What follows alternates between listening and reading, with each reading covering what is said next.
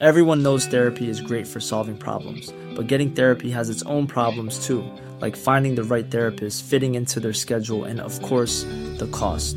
Well, BetterHelp can solve those problems. It's totally online and built around your schedule. It's surprisingly affordable too. Connect with a credentialed therapist by phone, video, or online chat, all from the comfort of your home. Visit betterhelp.com to learn more and save 10% on your first month. That's BetterHelp, H E L P.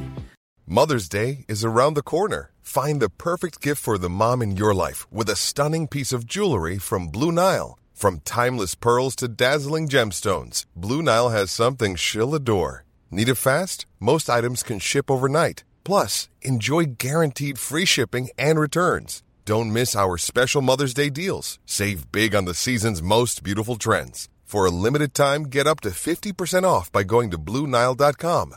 That's BlueNile.com. أهلا.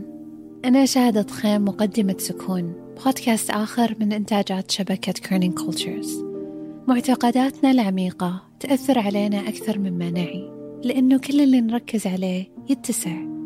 في سكون نستكشف مع بعض 30 معتقد معيق في 30 جلسة تأمل ونسعى لتغييرها بمعتقدات جديدة تترسخ في اللاواعي مع التكرار. كونوا معنا كل يوم خلال شهر رمضان. لنتوسع ولنعيش بشكل أعمق.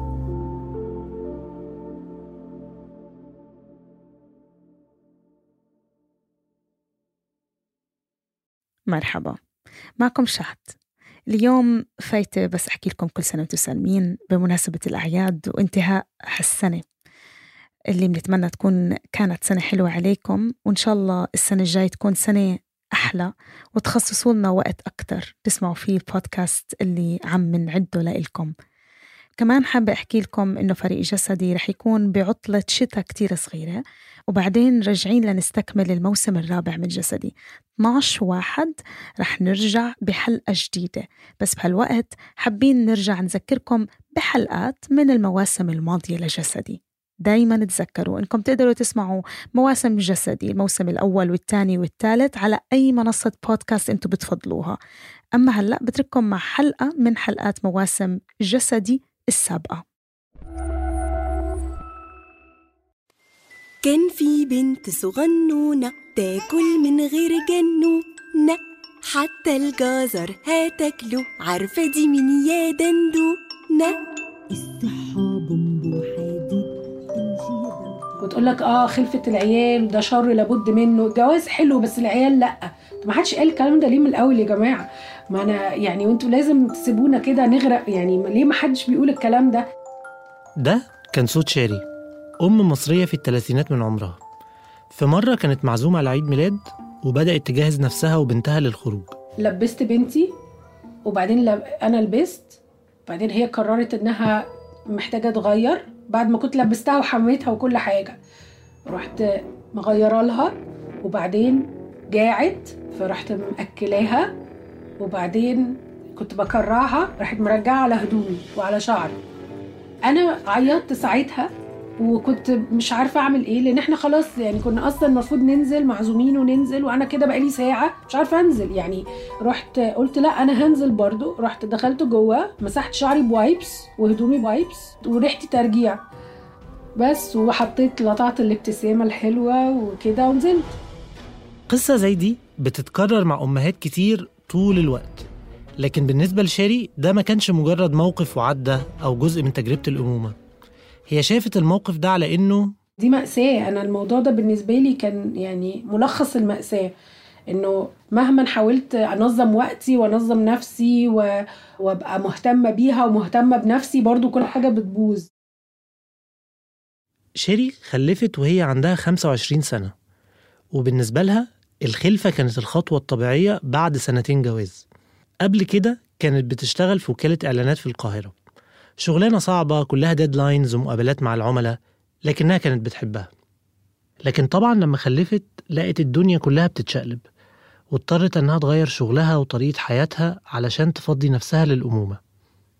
لكن برضو المشكلة ما كانتش في إنها مش عارفة تعيش زي الأول أو إنها مش قادرة تروح حفلة عيد ميلاد ولا أي حاجة من الكلام ده. أو بمعنى أصح الأسباب دي كانت مجرد عوامل مساعدة. لكنها كانت بتعاني من واحد من الاضطرابات النفسية اللي بعض الستات بيعانوا منها بعد الولادة. الاضطراب ده خلاها مش قادرة تستمتع بوجود بنتها. وكان ممكن كمان يؤدي لعواقب صعبة جدا عليها وعلى بنتها وعلى الأسرة كلها. في الحلقة دي من جسدي هنسمع صوت شيري وإيمان ودينا. تلات أمهات هيحكوا لنا عن تجاربهم بعد الحمل والولادة واللي كانت مختلفة جدا عن الشكل النمطي للأمومة اللي في خيال معظمنا. غيرنا أساميهم للحفاظ على هويتهم. وقبل ما نبدأ عايز أنوه إن الحلقة دي فيها كلام عن مواضيع ممكن تكون حساسة لبعض المستمعين ومنها الانتحار. وشبكة Kerning Cultures بتشجع أي شخص حاسس بأي مشاكل نفسية إنه يستشير المتخصصين. كل خلية بجسمي كانت ترجف. حاسة إن أنا عايزة أخرج من جسمي. تجارب وحكايات عن الجسد والذات وما بينهما. هنا شبكة Kerning Cultures تستمعون لبرنامج جسدي. الموسم ده من جسدي بدعم من The International Women's Media Foundation عن طريق Howard G. Buffett Fund for Women Journalists. ازيك يا لولو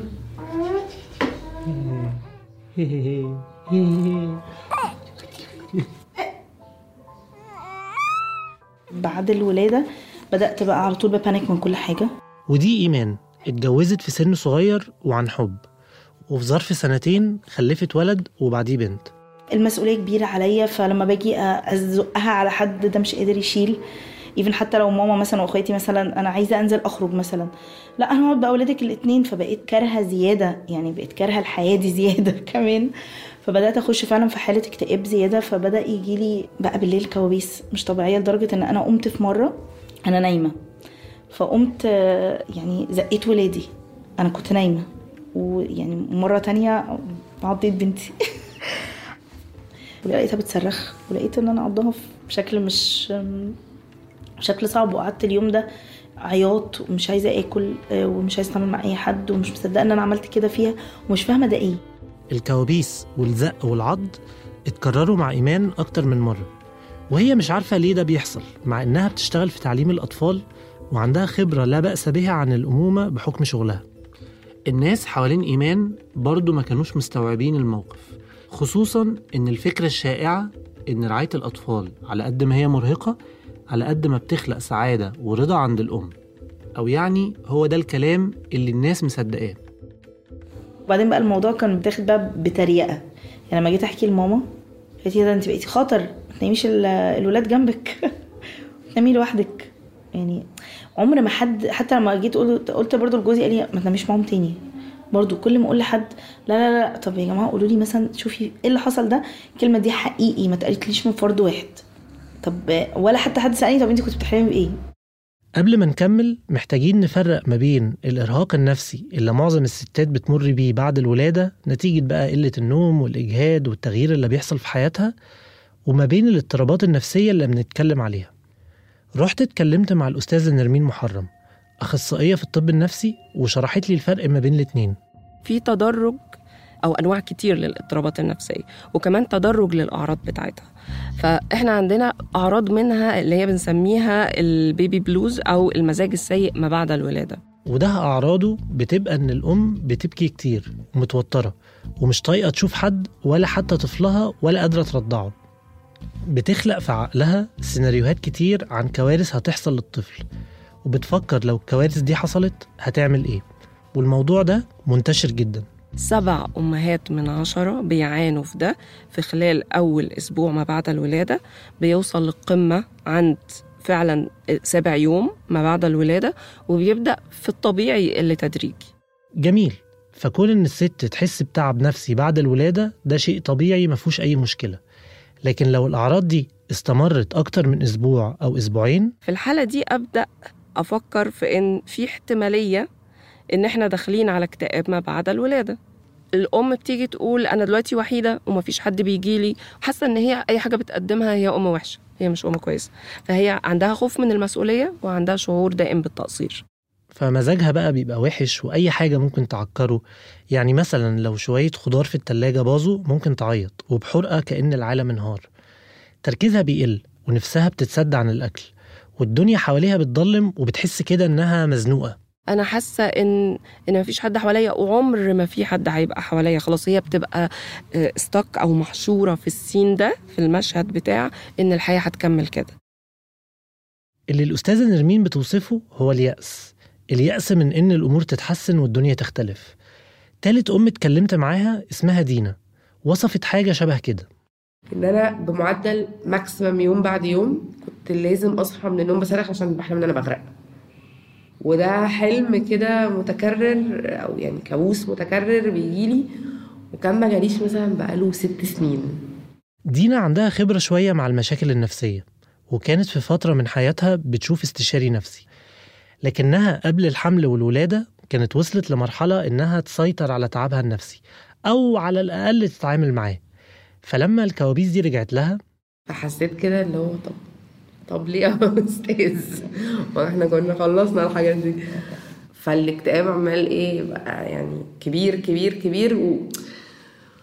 وخلاص بقى أنا مش ه... مش هتع... يعني أنا ه... أنا هعيش بيه. وحتى الأول كنت مثلا أكتف شوية على الجروبس بتاعت الأمهات و بحاول أرغي أتكلم أفهم أتابع حتى أشوف. لا لا لا خلاص طفي بقى كل حاجة أنا لوحدي وهفضل لوحدي. اللخبطة في الهرمونات بعد الحمل والولادة ممكن يكونوا السبب في المشاكل اللي واجهت دينا.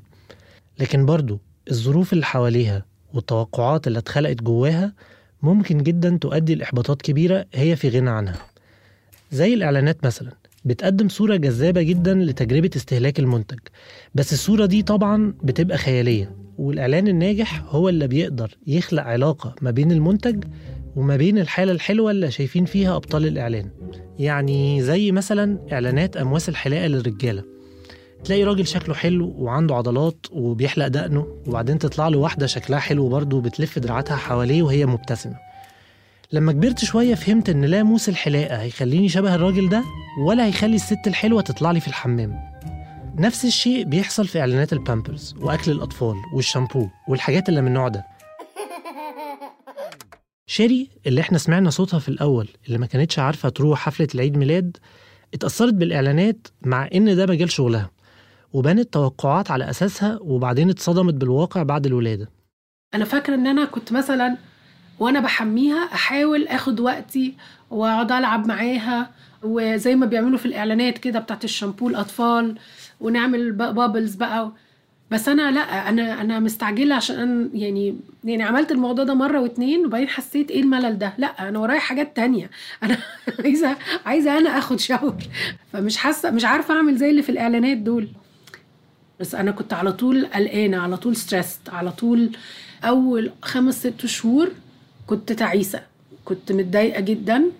كنت بمثل إن أنا مبسوطة بمثل إن أنا فرحانة. وكنت ما بصدق إنه حد يبقى معايا في البيت علشان يلخمني شوية أو أتكلم معاه أو فاليوم يعدي يعني. نرجع تاني لإيمان اللي هي كانت بتعض ولادها. علشان نفهم هي كانت بتمر بإيه محتاجين نعرف الصورة اللي كانت عندها عن الجواز. هي كانت متخيلة إن الحياة هتبقى حرية وخروج وسفر وانبساط بس الأحلام دي ما أخدتش وقت علشان تتحطم خصوصا إنها حملت على طول بعد الجواز. عارف أنا كنت بشبه نفسي دايما إن أنا عارف الكورة الكبيرة الترانسبيرنت دي اللي, اللي بيستخدموها في حاجات سبورت أنا كنت بحس كده إن أنا حد حاططني فيها وعمال بيقلب بيشقلبني. آه عندي صداع ظهري بيوجعني ورجلي بتوجعني ولو عندي دور برد عايزة حد يطبطب عليا حقيقي حرفيا يعني. كنت ببقى عايزة ده. خروج آه، خلاص بقى يعني ما بقاش بيبسطني أخرج طب تعالي ناكل بره. لا مش عايزة. طب تعالي مش عارفة إيه. لا مش عايزة. بعد ما أنا اللي كنت ببقى نفسي أعمل ده. بيتي مثلا مش عايزة انضفه مش عايزة فيه أي حاجة مش عايزة أجدد فيه حتى أي حاجة. حاجة اتكسرت يلا في داهية. بص بتبقى حاجة كده بيبقى عندك حالة لا مبالاة مع حالة عصبية رهيبة. حاجات كده كلها عكس بعضها. إيمان بدأت تحس إن أولادها هم السبب في الوضع التعيس اللي هي فيه. ومع الوقت بدأت تشعر بالذنب بسبب إحساسها ده لازم أحط إيدي عليهم. خايفة نفسهم يقف فجأة. خايفة إن ربنا يعاقبني كمان إن أنا مش كرهاهم ما بحبش أقول كده. بس ببقى إن أنا رافضة حياتي بيهم. أو إن أنا رافضة شكل حياتي وهم فيها. فبدأت إن أنا آم، يعني أخاف عليهم خوف بقى مرضي. لو حد فيهم شرق ممكن أتوتر فممكن أعيط. لو حد سخ- سخن وتعبان ربنا هياخده مني.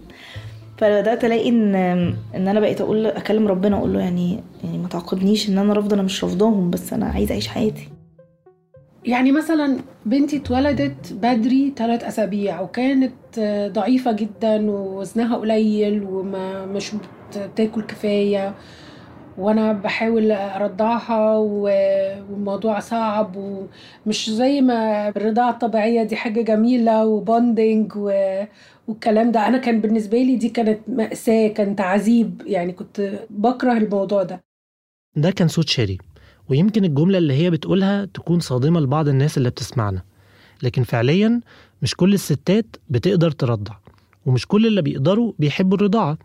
ساعات كمان الرضاعة بتكون مؤلمة أو متعبة جسديا ونفسيا على الست أو ببساطة غير مناسبة لأسلوب حياتها والالتزامات اللي عليها.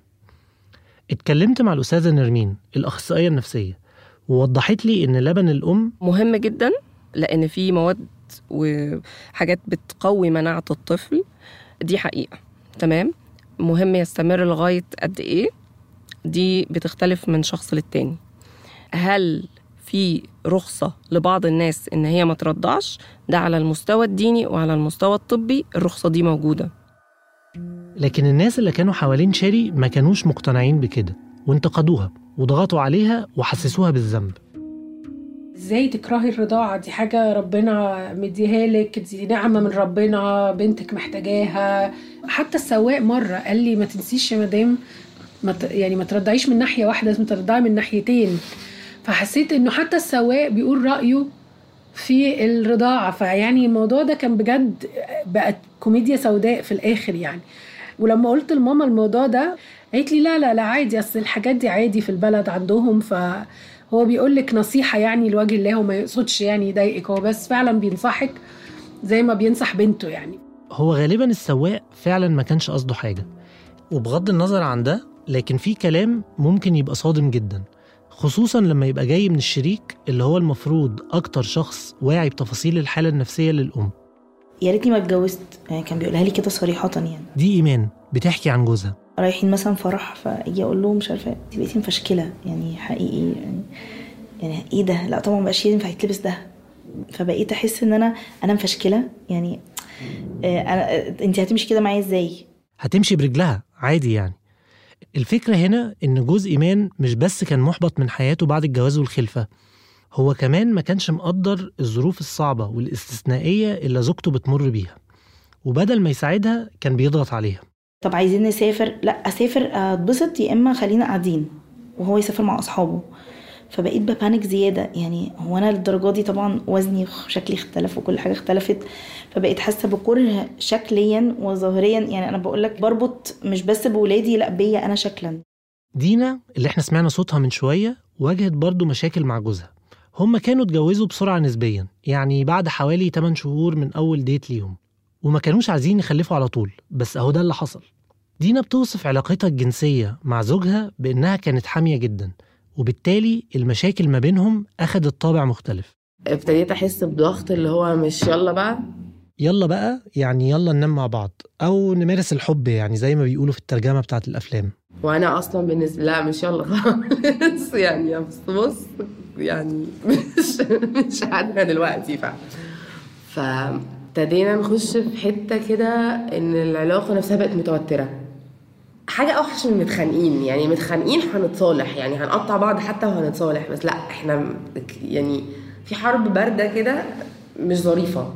دينا قعدت 3 شهور علشان تكتشف إن الهرمونات اللي بتخليها تنتج لبن علشان الرضاعة هي هي برضو اللي بتقلل رغبتها الجنسية.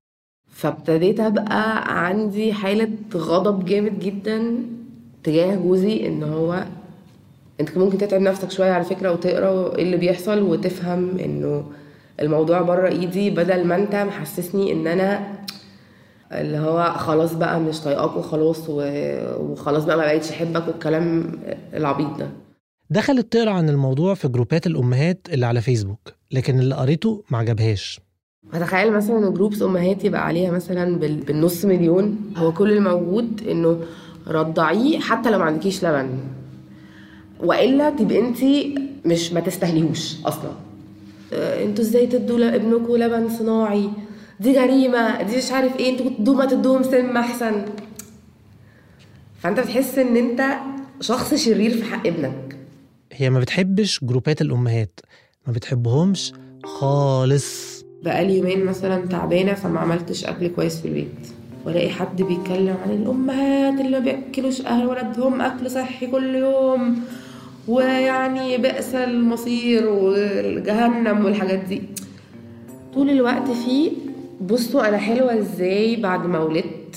خسيت في ثلاثة أيام عملت شعري آه، كيراتين وعملت مش عارف إيه وبلبس talon 35 ألف سنتي ودريس مش عارف إيه بس وبصوا ابني نظيف إزاي ولابس حلو إزاي وجميل إزاي وأنا ما باكلوش غير healthy وجوزي كمان بدلعه وهعمل مش عارف إيه.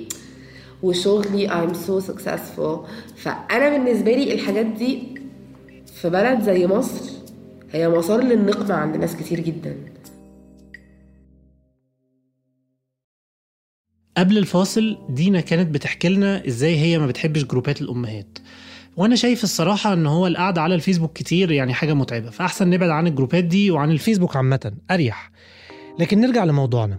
في سؤال دايما بيحيرني. ليه الناس اللي حوالين الشخص المريض نفسيا عادة ما بينكروا عليه مرضه؟ وده بعكس مثلا لو كان مصاب بالسكر. هتلاقي كل اللي حواليه بيقولوا له كل ده وما تاكلش ده واعمل ده وما تعملش ده. لكن مع المرض النفسي الواحد لازم يبذل مجهود كبير جدا إنه يقنع اللي حواليه إنه أصلا عنده مشكلة. هل هو مثلا جهل أو قلة وعي؟ ده اللي أنا كنت متخيله. لكن لما سألت شيري عن الموضوع ده اتفاجئت بإجابتها. أنا أهلي دكاترة وحماية وحماتي دكاترة. محدش فيهم كان شايف اللي أنا فيه ده معاناة. يعني هما شايفين واحدة يعني عايشة في بيت كويس عندها حد بيساعدها في البيت. مرتبها كويس مرتب جوزها كويس فيعني إيه المشكلة؟ يعني احتياجاتكم متوفرة بتعرفوا تجيبوا أكل وشرب وبامبرز وأدوية وكل حاجة. فكان دايما هي دي الفكرة يعني انت عايزة إيه؟ أنتوا كويسين. أي حد بيصاب بالمرض النفسي في مجتمعنا. رجعنا تاني للأستاذة نرمين الأخصائية النفسية. سبب الوصمة بتاعته إن هو بيصنف على إنه هو شخص غير مؤهل لإنه هو يقدم استجابات صحية. قصدها شخص غير مسؤول وغير واعي لتصرفاته وبالتالي ممكن يكون مؤذي لنفسه وللي حواليه. فيخافوا إن يظهر عندهم حالات بالشكل ده. بيعتبروها وصمة للعيلة كلها إن يبقى ابني أو بنتي رايح لطبيب نفسي. دي حاجة أتكسف منها. وبالتالي لما الأمهات اللي زي شيري بتشتكي الرد بيبقى صادم. لأن هو فجأة الناس بتقول له ما إحساسك غلط. أنت مش ماشي حسب الكتالوج اللي المجتمع حطه للمرحلة دي. عيش في القالب علشان تبقى طبيعي ومش مسحوب الآلية ومنبوذ بالتالي. فالناس تنفي عليها حق إن هي مش قادرة تواجه فترة الضغوط الرهيبة دي ويجي ده صابب في زيادة عجلة الاكتئاب والأفكار السلبية اللي موجودة عندها. والمرحلة الأسوأ لما الاكتئاب يدخل في مرحلة تمني الموت أو أفكار انتحارية وده بيحصل يعني كنت ساعات بصراحة كنت ساعات أبص لها وأقول لها يعني أنت بوظتي حياتي أنا يعني أنا أنا ليه ليه خلفت بدري؟ أنا لسه صغيرة أنا إيه اللي خلاني أستعجل وأخلف بدري؟ يعني كنت أبص لها أقول لها أنت كمان بنت يعني أنت كمان هتكبري وهتتعذبي أنت كمان. فكنت حاسة بالذنب ليها. فكنت أقعد يعني يعني دلوقتي بفكر في الكلام ده وأقول أنا إزاي كنت بقول لها الكلام ده. بس يعني فعلا ده كان إحساسي ساعتها إنه أنا إيه اللي عملته ده. شيري مستغربة هي إزاي كانت بتقول الكلام ده. بس يعني في الواقع الاكتئاب هو اللي كان بيتكلم مش هي. ومرة من المرات اللي فعلا خوفوني جدا إن أنا كنت قاعدة في بتفرج على التلفزيون وبحاول أكلها وهي رافضة تاكل خالص. وجات لي فكرة إن أنا أفتح الشباك وأنط أنا وهي. كان يوم أنا لوحدي أنا وهي بس لوحدي في البيت. وابتدت تجيلي الأفكار دي وخفت قوي. ورحت مكلمة الشغالة عشان تيجي تقعد معايا في البيت. ما رضيتش أكلم أهلي عشان ما اخدهمش ولا جوزي وهو في الشغل. فده ساعتها ده اللي خلاني أفكر إنه لأ أنا بطبيعتي مش كده. يعني أنا بطبيعتي بحل المشاكل لو معرفتش حلها بهزر بتريق فده اللي خلاني بساعتها أحس إنه اتس لا في حاجة غلط في حاجة مش صح في حاجة يعني أقوى مني هي اللي بتديني الأفكار دي.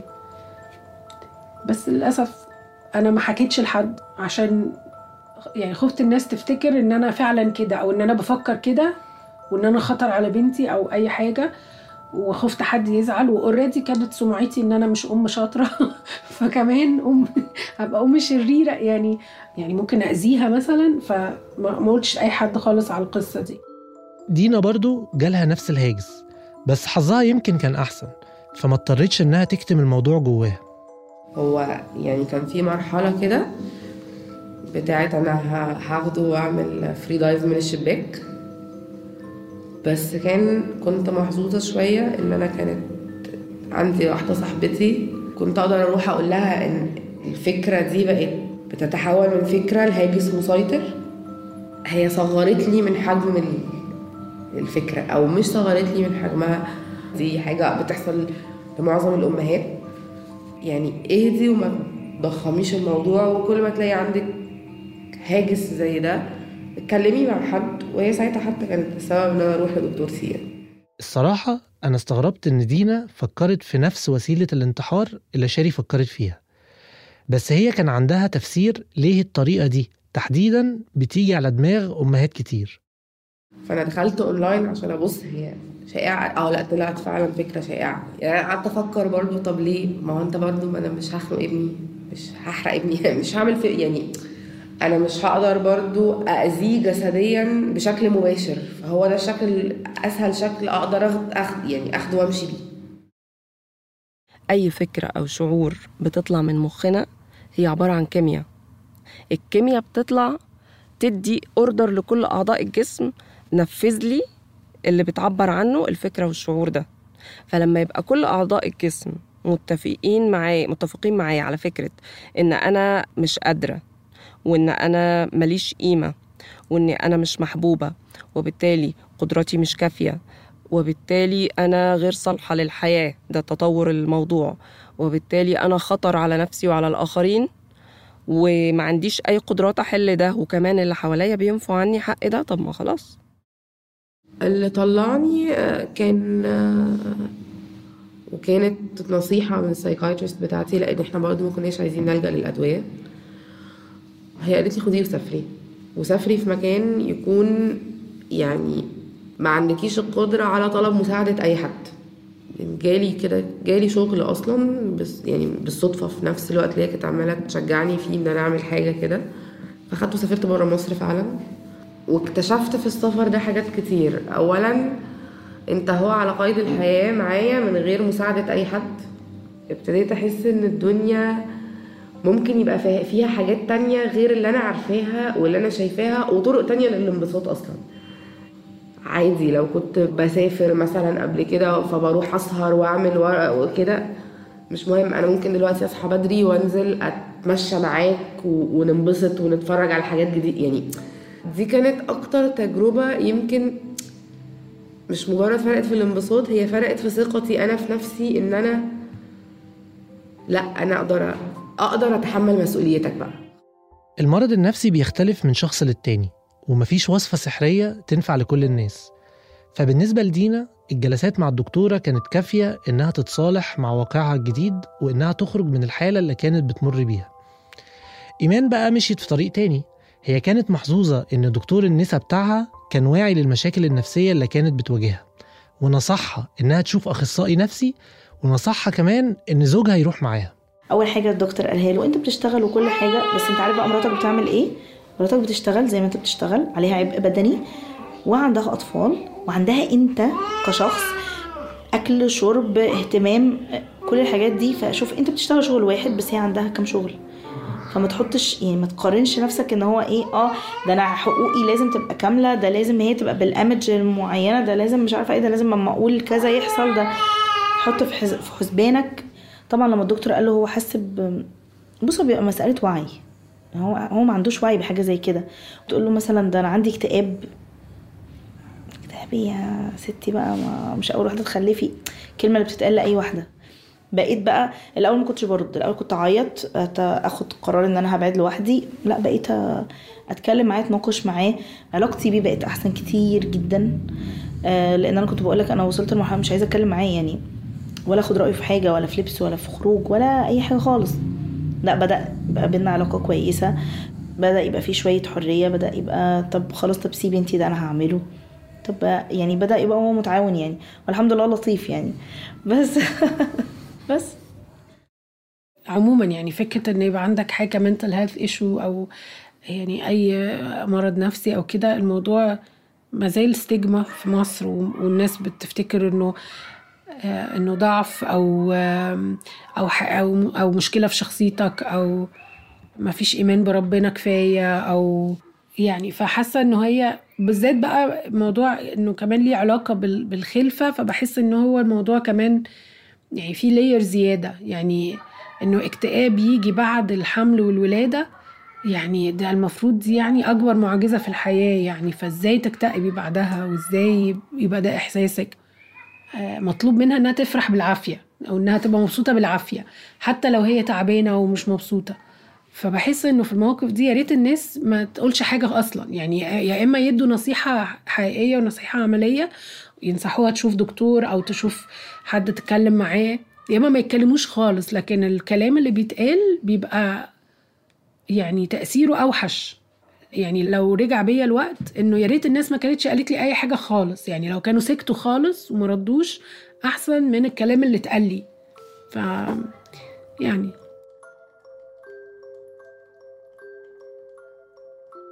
حلقة النهاردة من إعدادي أنا أحمد فتيحة. شاركت في الإعداد بسنت سمهوت دعم تحريري من شهد التخيم نادين شاكر ومديرة الإنتاج هبة عفيفي ومحررة البرنامج شهد بني عودة. التصميم الصوتي لمحمد خريزات. برنامج جسدي من إنتاج شبكة Kerning Cultures لو عجبتكم الحلقة اشتركوا في قناة برنامج جسدي واكتبوا رأيكم في المنصة اللي بتستخدموها لأن ده بيسهل إن الناس أكتر تلاقينا. وبرضه شاركوا الحلقة مع أصدقائكم واحكوا لهم عن عالم البودكاست لو ما يعرفوش عنه. مع السلامة.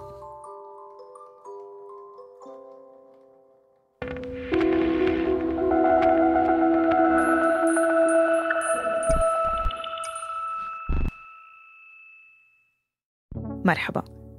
أنا شهد معدة ومنتجة بشبكة Kerning Cultures حابة أشارككم واحدة من تعليقات مستمعينا اللي كتير بفرحونا برد فعلهم على القصص اللي بننتجها. نعيمة من السعودية بتقول لفتني جدا طريقة شرح التفاصيل اللي خلتني أعيش جوا الواقعة وكأني بتفرج على حلقة من مسلسل. شكرا كتير يا نعيمة. ونتمنى دايما نكون عند حسن ظنك. تقديركم ومحبتكم كتير بتفرق معنا وبتخلينا دايما نسعى لنقدم أفضل جودة محتوى. وشكرا لكم. بحبكم قد ما في زيت في الزيتون. بحبكم وأنتم ميت العيون. أخذت وقت تعرفت إنه أنا أكتر من جسد وبس. بنحب نشكر كل الناس اللي وثقت فينا. وثقت فينا إنه نوصل أصواتهم قصصهم وحكاياتهم ومشاعرهم للعالم. هلأ بتقدروا أنتوا كمان تكونوا رعاة لفريق Kerning Cultures تقدروا تدعمونا من دولارين بس بالشهر. تقدروا تدخلوا على patreon.com slash corningcultures أو تضغطوا على اللينك اللي بوصف الحلقة شكرا ودمتم بحب وسعادة Even when we're on a budget, we still deserve nice things. Quince is a place to scoop up stunning high-end goods for 50 to 80% less than similar brands. They have buttery soft cashmere sweaters starting at $50, luxurious Italian leather bags, and so much more. Plus, Quince only works with factories that use safe, ethical, and responsible manufacturing. Get the high-end goods you'll love without the high price tag with Quince. Go to quince.com slash style for free shipping and 365-day returns. Imagine the softest sheets you've ever felt. Now imagine them getting even softer over time. That's what you'll feel with Bowl and Branch's organic cotton sheets. In a recent customer survey, 96% replied that Bowl and Branch sheets get softer with every wash. Start getting your best night's sleep in these sheets that get softer and softer for years to come. Try their sheets with a 30-night guarantee. Plus, get 15% off your first order at bowlandbranch.com. Code BUTTERY. Exclusions apply. See site for details.